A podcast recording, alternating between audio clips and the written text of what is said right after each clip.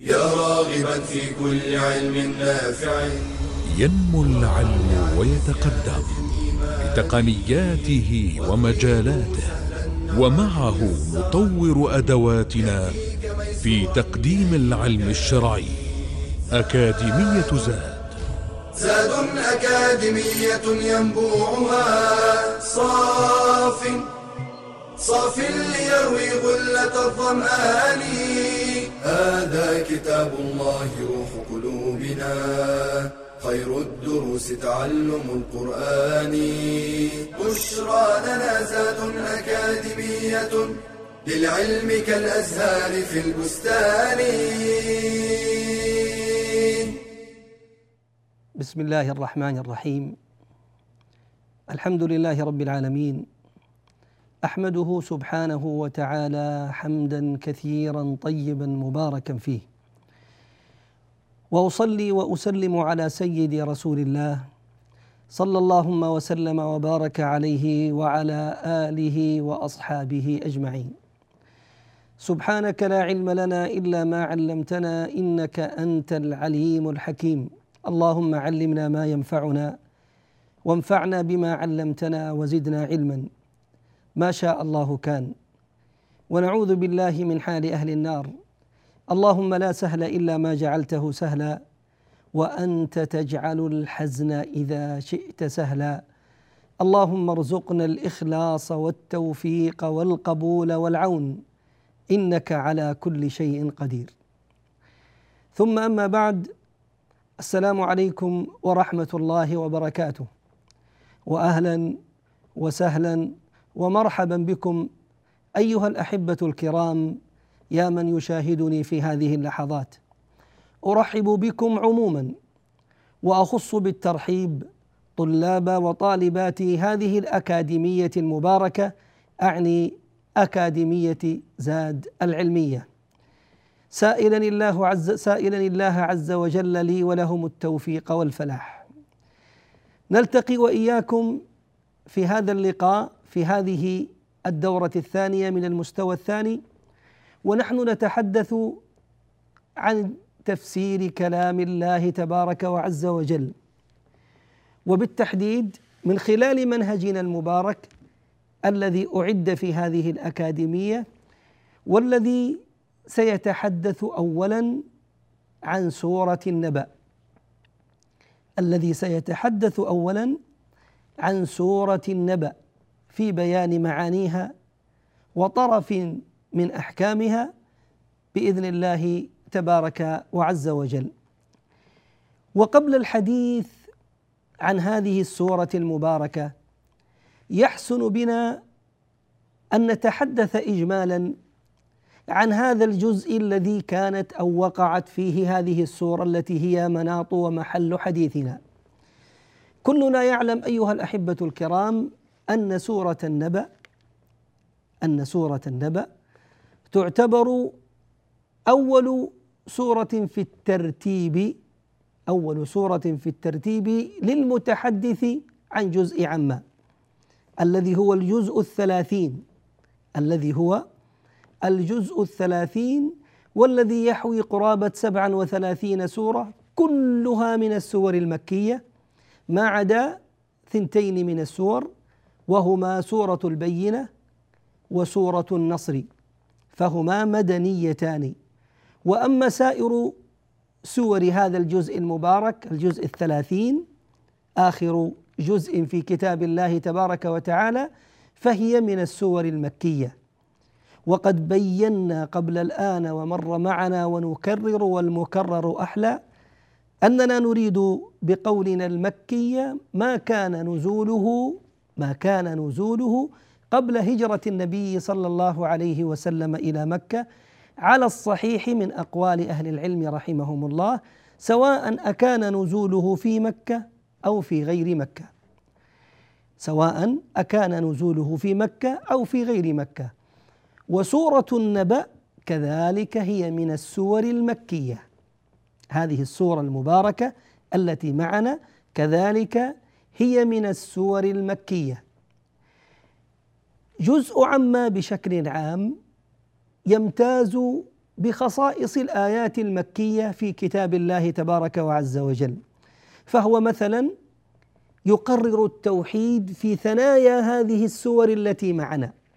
يعني المتأمل في سور جزء عامه سيجد أن هذا الجزء المبارك الجزء الثلاثين الذي كما ذكرنا أكثره مكي يقوم على تقرير توحيد الله تبارك وتعالى وقبل ذلك وجوده من خلال الحديث عن هذه الآيات والآلاء الموجودة في كونه الفسيح تبارك وعز وجل.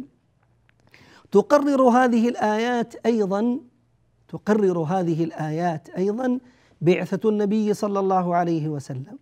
وأنه مرسل من عند الله تبارك وتعالى حقا وصدقا. تقرر هذه الآيات أيضا حقيقة الإيمان بالبعث ووجود اليوم الآخر وأنه حق لا شك ولا ريب فيه. تقرر هذه الآيات أيضا مسائل الترغيب والترهيب بشكل عام فهي تدور في هذا الفلك في دعوة الناس إلى أصول دينهم والترغيب للعمل بها وفيها بعيدا عن النظر إلى تقرير الأحكام الشرعية الفقهية العملية التي هي من خصائص الآيات والسور المدنية كما سيمر أو قد مر معنا بعض منه بفضل الله تبارك وعز وجل. سورة النبأ هي من هذا النوع وفيها هذه الخصائص التي ذكرناها فسورة النبأ التي هي محل حديثنا بفضل الله تبارك وعز وجل ذكر أهل العلم أن لها عدة أسماء. بعد أن انتهينا من الحديث عن الجزء بشكل عام نلج للحديث عن هذه السورة خاصة. فهي سورة أولا كما ذكرنا مكية ثم هي لها عدة أسماء. فتسمى بسورة النبأ وسيأتي بيان معنى النبأ. وتسمى بسورة عما يتساءلون. وتسمى بسورة يتساءلون. وتسمى بسورة المعصرات التي ذكرها الله تبارك وعز وجل في كتابه. وتسمى أيضا بسوره عم فقط. فهي خمسة أسماء يذكرها أهل العلم رحمهم الله لهذه السوره المباركة. عدد آيات هذه السورة أربعون آية. أربعون آية. هذا في المصحف المكي وفي المصحف الكوفي وفيما عداه من المصاحف وإحدى وأربعين آية. لكن نحن الذي بين يدينا والذي نطلع فيه أن عدد الآيات الموجودة في المصحف الذي أمامنا أربعين آية.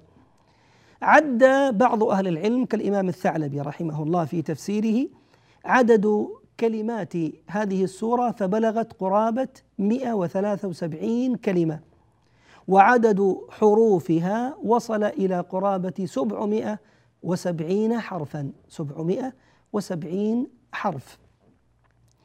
هذه السورة التي نحن بصدد الحديث عنها كما قلنا تمتاز ميزة واضحة في تقرير أولا ثوابت هذا الدين العظيم.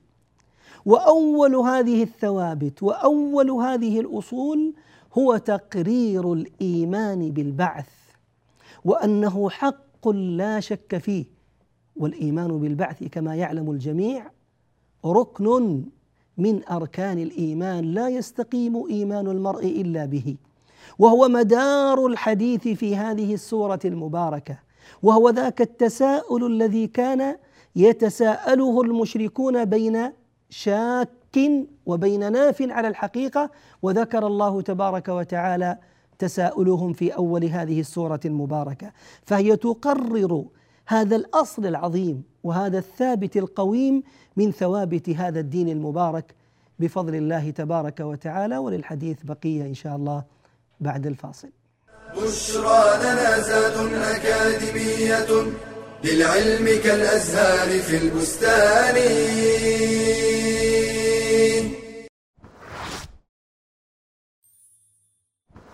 هل أنت حريص على تصحيح عباداتك؟ هل ترجو أن يتقبلها الله؟ اطلب العلم إذ لا تصح العبادة إلا به. قال تعالى فاعلم أنه لا إله إلا الله واستغفر لذنبك وللمؤمنين والمؤمنات. وشرط قبول طلب العلم الإخلاص فيه بالا تريد به إلا وجه الله. قال تعالى قل إني أمرت أن أعبد الله مخلصا له الدين. وبالإخلاص ترزق صحة الفهم وقوة الاستنباط. قال صلى الله عليه وسلم من يرد الله به خيرا يفقهه في الدين. وبالإخلاص يذعن المتعلم للحق ويقبل النقد. قال الذهبي علامة المخلص أنه إذا عوتب لا يبرئ نفسه بل يعترف ويقول رحم الله من أهدى إلي عيوبي. ويجب أن يتوفر الإخلاص في التعلم والتعليم والتأليف.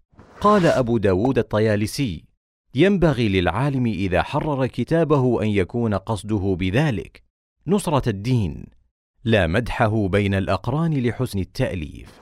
فأخلص النية وأحذر من فسادها. كطلب العلم لأجل المال والثروة أو الجاه والشهرة أو المراء والجدل فإن ذلك يفسد العمل. قال تعالى وقدمنا إلى ما عملوا من عمل فجعلناه هباء منثورا. بشرى لنا زاد أكاديمية للعلم كالأزهار في البستان. حياكم الله أيها الأحبة المباركون وأهلا وسهلا بكم. عدنا إليكم بعد الفاصل. الذي كنا قد بدأنا قبل الفاصل نتحدث إجمالا عن مواضيع هذه السورة. وما حوته هذه السورة المباركة؟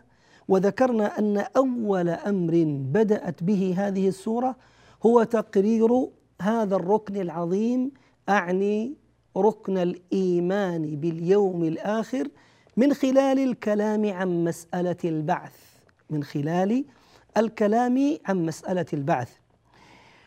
وقد وقفت هذه السورة أو أصلت هذه السورة هذا المبدأ أعني مبدأ الإيمان بالبعث من خلال الكلام عن دلائل قدرة الله تبارك وتعالى في هذا الكون الفسيح. التي يراها العبد بناظريه.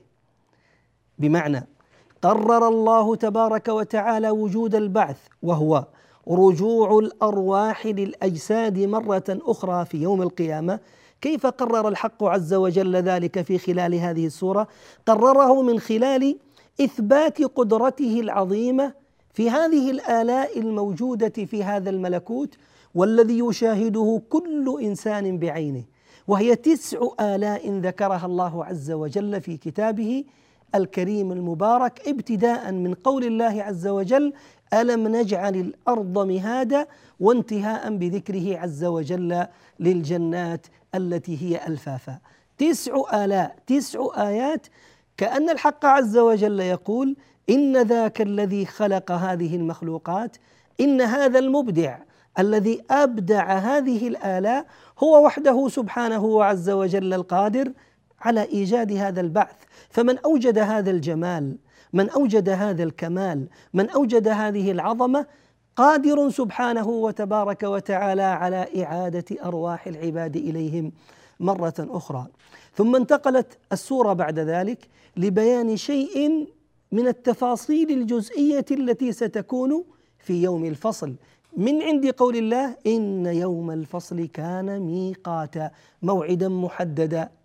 ثم بدا عز وجل بعد ذلك يذكر حال الناس في ذلك اليوم العظيم فذكر سبحانه وتبارك وتعالى أن الناس فريقان فريق في السعير وفريق في الجنة.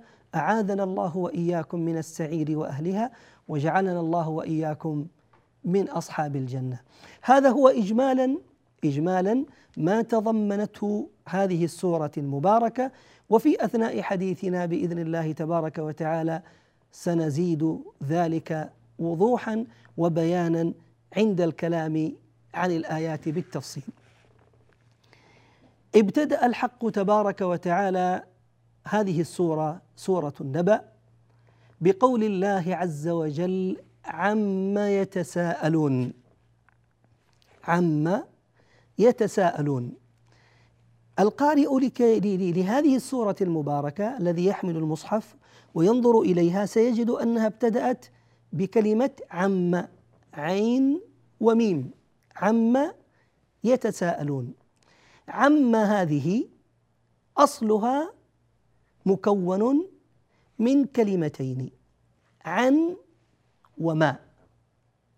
عن الذي هو حرف الجر والماء الاستفهامية عن الذي هو حرف الجر والما الاستفهامية. ثم لما اقتربت الثنتين من بعضهما البعض عن وما النون مع الما النون مع الميم عفوا النون مع الميم حقهما الإدغام. فحذفت لاحظ حذفت حذفت النون مباشرة واتصلت العين مع الميم عم. ثم يسأل سائل فأين ذهبت الألف في الميم؟ نقول حذفت هذه الألف لأمرين. الأمر الأول من أجل تمييز الخبر من أجل تمييز الخبر. الأمر الثاني وهو الأهم في نظري والله أعلم وقد ذكره الطاهر بن عاشور رحمه الله لتمييز لاحظ لتمييز ما الاستفهامية عن ما الموصولة حتى نستطيع أن نميز ما الاستفهامية التي هي موجودة معنا هنا عن ما الموصولة. فإن ما الاستفهامية إذا جاءت في كتاب الله تبارك وتعالى كما هو الحال هنا في هذه الآية يحذف منها الألف. بينما الماء الموصولة تقرر فيها الألف في الرسم العثماني تماما. وبهذا تستطيع أيها الناظر تستطيع أن تميز بين الماء الاستفهامية وبين الماء الموصولة بوجود هذا بوجود هذه الألف. فمتى ما وجدت رسم الألف مثبتا بعد الميم فاعلم أن هذه الميم أو أن هذه الماء عفوا هي الماء الاستفهامية. ومتى لم تج ومتى وجدتها ثابتة مكتوبة فاعلم أنها ماء الموصولة. إذا عند الحذف هي ماء الاستفهامية وعند الإثبات هي الموصولة. وهذا هذه قاعدة مضطردة في كتاب الله تبارك وتعالى. إذا هي بمعنى عن ما عن ما يتساءلون هؤلاء المشركون الذين يتساءلون عما يتساءلون. ما هو الأمر الذي يتساءلون فيه. وطبعا هذا الاستفهام هذا الاستفهام هو استفهام إنكاري. هذا الاستفهام هو استفهام إنكاري. فينكر الله تبارك وعز وجل على المشركين ينكر الله عز وجل على المشركين تساؤلهم. عما يتساءلون؟ يتساءلون تفاعل من التساؤل. يعني يسأل بعضهم بعضا. يسأل بعضهم بعضا. وما الذي كانوا يتساءلون فيه؟ ويسأل بعضهم بعضا فيه. إنه النبأ العظيم. عما يتساءلون عن عن النبأ العظيم. النبأ قال بعض المفسرين قال بعض أهل اللغة أن النبأ يأتي بمعنى الخبر مطلقا. وقال بعضهم لا النبأ هو الخبر ذو الفائدة الخبر العظيم المهم ذو الفائدة الذي يحصل به إما العلم وإما غلبة الظن ويكون عن صدق يعني خبر صادق. إذا هذا الذي ذكره الراغب الأصفهاني رحمه الله هو الذي عليه كثير من أهل التفسير ومن المحققين من أهل العلم. أعني أن النبأ ليس بمعنى الخبر وأنهما معنيان مترادفان لا. وإنما النبأ هو الخبر ذو الفائدة ذو الفائدة الذي يفيد العلم أو غلبة الظن ويكون صادقا. فإذا تحققت فيه هذه الأمور سمي نبأ سمي نبأ إذا هم يتحدثون عن نبأ عن أمر مهم تحصل به يعني يحصل به علم أو غلبه ظن وهو خبر صادق. هم يتحدثون عنه. ثم زاده الله تبارك وتعالى رتبة وزاده الله تبارك وتعالى رفعة. فقال عز وجل فيه النبأ العظيم. فهو نبأ لكنه أيضا مع كل ما تحويه كلمة النبأ من فائدة هو أيضا نبأ عظيم. والعظيم إذا سمى الأمر عظيم فهو يدل على عظم متناه فيه والأمر كذلك في حق الإيمان باليوم الآخر. اذا عما يتساءلون عن النبأ العظيم. اذا هو استفهام إنكاري ينكر الله تبارك وتعالى فيه على المشركين تساؤلهم تساؤلهم تفاعلهم مع بعضهم البعض عن ذلك اليوم العظيم. يسأل سائل لماذا يبدأ الحق تبارك وتعالى هذه السورة المباركة؟ بالاستفهام قال أهل التفسير إنما بدأ الله عز وجل بالاستفهام من أجل تشويق السامع. إذا المسألة مسألة تشويقية. الله عز وجل يريد أن يشوقك أيها القارئ أو أيها السامع لهذه الآيات عن الأمر الذي سيكون بعد ذلك.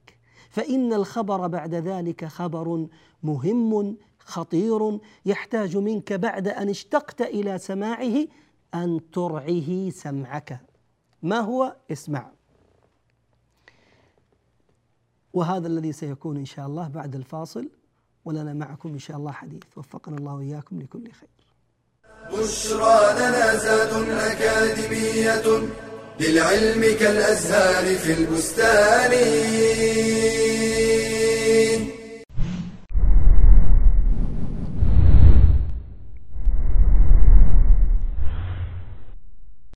يأخذ بيدك ليرقى بك إلى أعلى المنازل. يقف معك وينافح عنك وقت الضيق والكرب. إنه القرآن.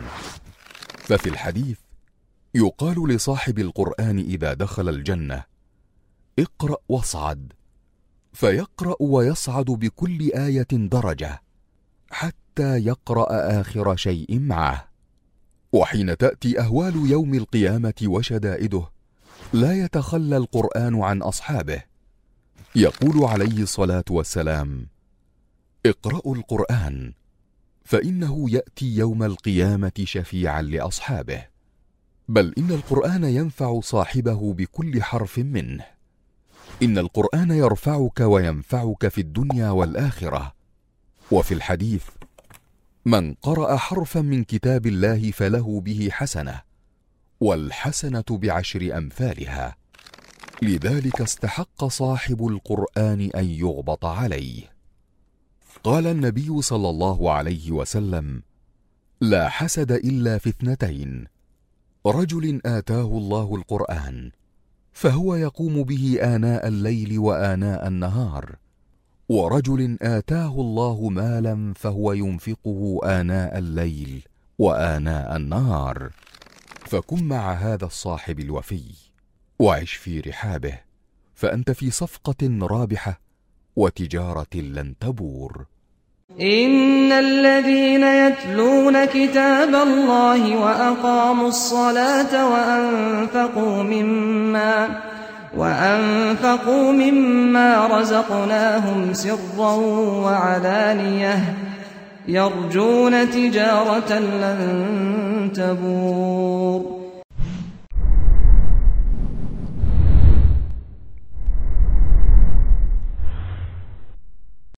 بشرى لنا زاد أكاديمية للعلم كالأزهار في البستان.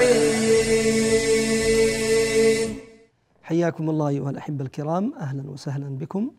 عدنا إليكم بعد الفاصل ونحن نتحدث وإياكم عن تشويق الحق تبارك وتعالى من خلال هذا الاستفهام لقارئ وسامع كلام الله عز وجل للأمر الذي سيكون بعد ذلك. قال الله عز وجل عما يتساءلون عن النبا العظيم الذي هم فيه مختلفون. الذي هم فيه مختلفون. قد يقول قائل اليس المراد بهؤلاء المختلفين؟ هم كفار قريش. الجواب بلى. اذا ما دام أنهم هم المعنيين بهذه الآيات أي أنهم هم من اختلفوا في أمر البعث فلماذا يذكر الله عز وجل أنهم قد اختلفوا فيه وفي الجملة هم منكرون لهذا اليوم العظيم؟ في الجملة هم منكرون لهذا اليوم العظيم. قال بعض أهل التفسير أن المراد بهذا الاختلاف الذي كان بين المشركين إنما أنه قد كان بعضا منهم ينكر ذلك إنكارا صريحا. فيأتي أحدهم أمام النبي صلى الله عليه وسلم فيأخذ عظما قد أرم ثم يفتته بيده أمام رسول الله صلى الله عليه وسلم ويقول له أتزعم يا محمد أن الله عز وجل يعيد هذا العظم بعد أن أرم بعد أن فتت ثم يبعثه في يوم القيامة كأنه والحال كذلك ينكر ذلك انكارا صريحا واضحا بينا. زعم الذين كفروا أن لن يبعثوا قل بلى وربي لتبعثن. اذا هذا حال أكثرهم هو الإنكار. وحال الآخر منهم أنهم أناس لم ينكروا ذلك انكارا صريحا وإنما كانوا يشكون فيه. إن نظن إلا ظن وما نحن بمستيقنين. فكان عندهم ظن. هم يشكون في اليوم الآخر. إذا من حمل هذا الخلاف الذي ذكره الله عز وجل في قوله الذي هم فيه مختلفون هذا الضمير هم فيه هم من هم؟ أكثر المفسرين قال المراد به المشركون. طيب كيف مشركون ويختلفون؟ في اليوم الآخر نقول لأنهم انقسموا إلى فريقين فريق منكر إنكارا صريحا وفريق شاك في هذا اليوم. مع أن بعض أهل التفسير حمل هذا الضمير في هذا الاختلاف على فريقين على المشركين وعلى المسلمين. فالمراد بالمختلفين هم الكفار من طرف والمسلمين من طرف آخر. فالمسلمون يؤمنون ايمانا جذريا مترسخا متعمقا في قلوبهم. لا يستقيم إيمان الواحد منهم إلا به أن هناك يوم آخر وأن هناك بعث بين يدي الله تبارك وتعالى وإعادة للأرواح مرة أخرى. بينما المشركون ينكرون ذلك انكارا صريحا. اذا قال بعض أهل التفسير أن المراد بهذا الاختلاف الذي هم فيه مختلفون أي أهل الكفر وأهل الإسلام والأكثر على ما ذكرناه سابقا أنه الخلاف الذي قد وقع بين المشركين بعضهم مع بعض. عما يتساءلون عن النبأ العظيم الذي هم فيه مختلفون. ثم قال الله عز وجل كلا سيعلمون. كلا هذه الكلمة يؤتى بها للردع والزجر. يؤتى بها للردع والزجر.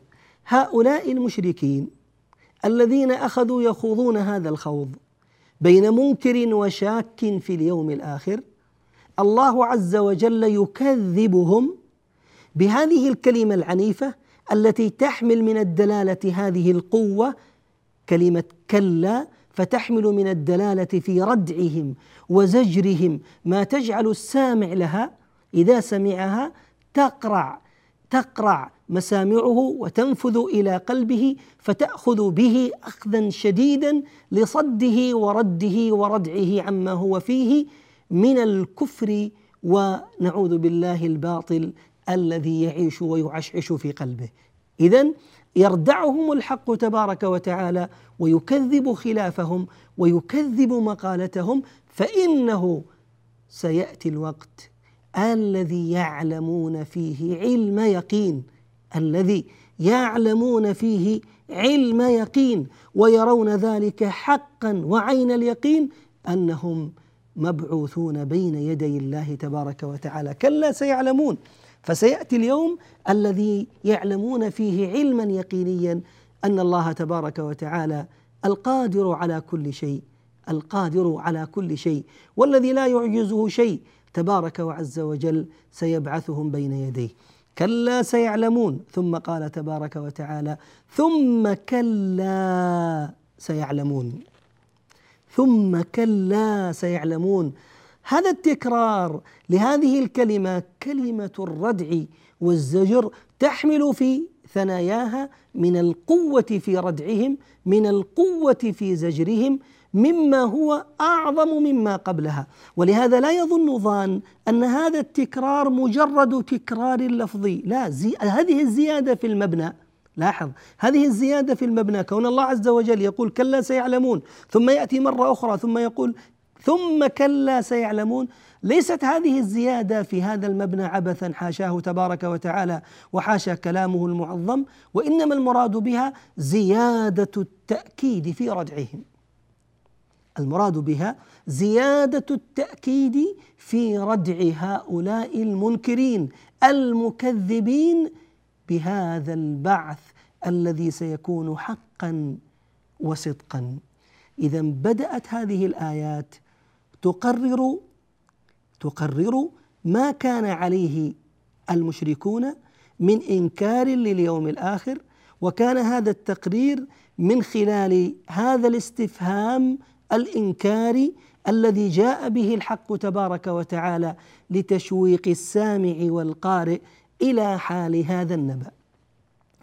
ألفت نظر أحبتي إلى مسألة قد تمر بهم أثناء القراءة في بعض كتب التفسير عند بيان معنى النبأ.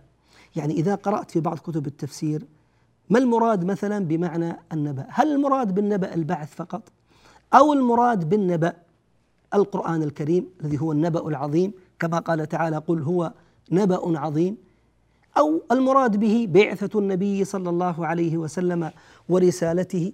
ما المراد بالنبأ في هذه السورة المباركة؟ هل هو فقط البعث كما جرى على لساني أثناء الحديث أو هو أشمل وأعم من ذلك؟ الصحيح أن المراد بالنبأ ما هو أعم من الكلام عن البعث. لماذا؟ لأن الألف واللام في قوله تعالى عن النبأ النبأ هي للجنس هي للجنس. فتشمل جنس كل شيء جاء به عليه الصلاة والسلام وتضمن ذلك وجوب تصديقنا والإيمان به. إذا كلمة النبأ تشمل معنى البعث وتشمل معنى الرسالة المحمدية وتشمل معنى القرآن بل وتشمل غير ذلك مما جاء به صلى الله عليه وسلم. وأوجب الشرع علينا الإيمان والتصديق به. وهذا الخلاف هذا الخلاف الذي يذكره أهل التفسير فبعضهم مثلا لا يذكر إلا البعث البعث وبعضهم مثلا لا يذكر إلا القرآن أي أنه هو النبأ وبعضهم مثلا لا يذكر إلا أنها الرساله أو غير ذلك. نقول هذا من اختلاف التنوع هذا من اختلاف التنوع وهو وهو ذكر هذه المفردات هو من باب التفسير ببعض المعنى. وقد مر معنا هذا في في في المستوى الماضي عند حديثنا عن أصول التفسير أن بعض المفسرين أحيانا يفسر الآية ببعض مفرداتها. ولا يعني ذلك أنها هي المقصودة فقط دون غيرها إنما هو من باب ضرب المثال. يضرب مثال فقط على هذا النبأ. فيضرب بعض المفسرين مثال على أن المراد بالنبأ البعث. وبعضهم يضرب مثال على أن المراد بالنبأ القرآن وبعضهم يضرب مثال على أن المراد بالنبأ الرسالة المحمدية والصواب أنها تشمل ذلك كما ذكرنا وغير ذلك لأن الألف واللام للجنس فتشمل جنس هذه الأشياء كلها. إذا كلها داخلة في هذا النبأ العظيم الذي جاء به سيد ولد آدم صلى الله عليه وسلم والذي قد اختلف فيه المشركون فالمشركون لم يختلفوا فقط في الإيمان بالبعث في تصديقه أو تكذيبه وفي رسالة النبي صلى الله عليه وسلم وفي تصديقها أو تكذيبها وفي القرآن الكريم تصديقا أو تكذيبا وإنما اختلفوا في كل ما جاء به رسول الله صلى الله عليه وآله وصحبه وسلم. رزقنا الله وإياكم ايمانا صادقا ويقينا خالصا وجعلني وإياكم من أصفيائه آمين. والحمد لله رب العالمين. والسلام عليكم ورحمة الله وبركاته. تلك العلوم دروسها ميسورة في صرح علم الراسخ الأركان. بشرى لنا بشرى لنا بشرى لنا زاد أكاديمية للعلم كالأزهار في البستان.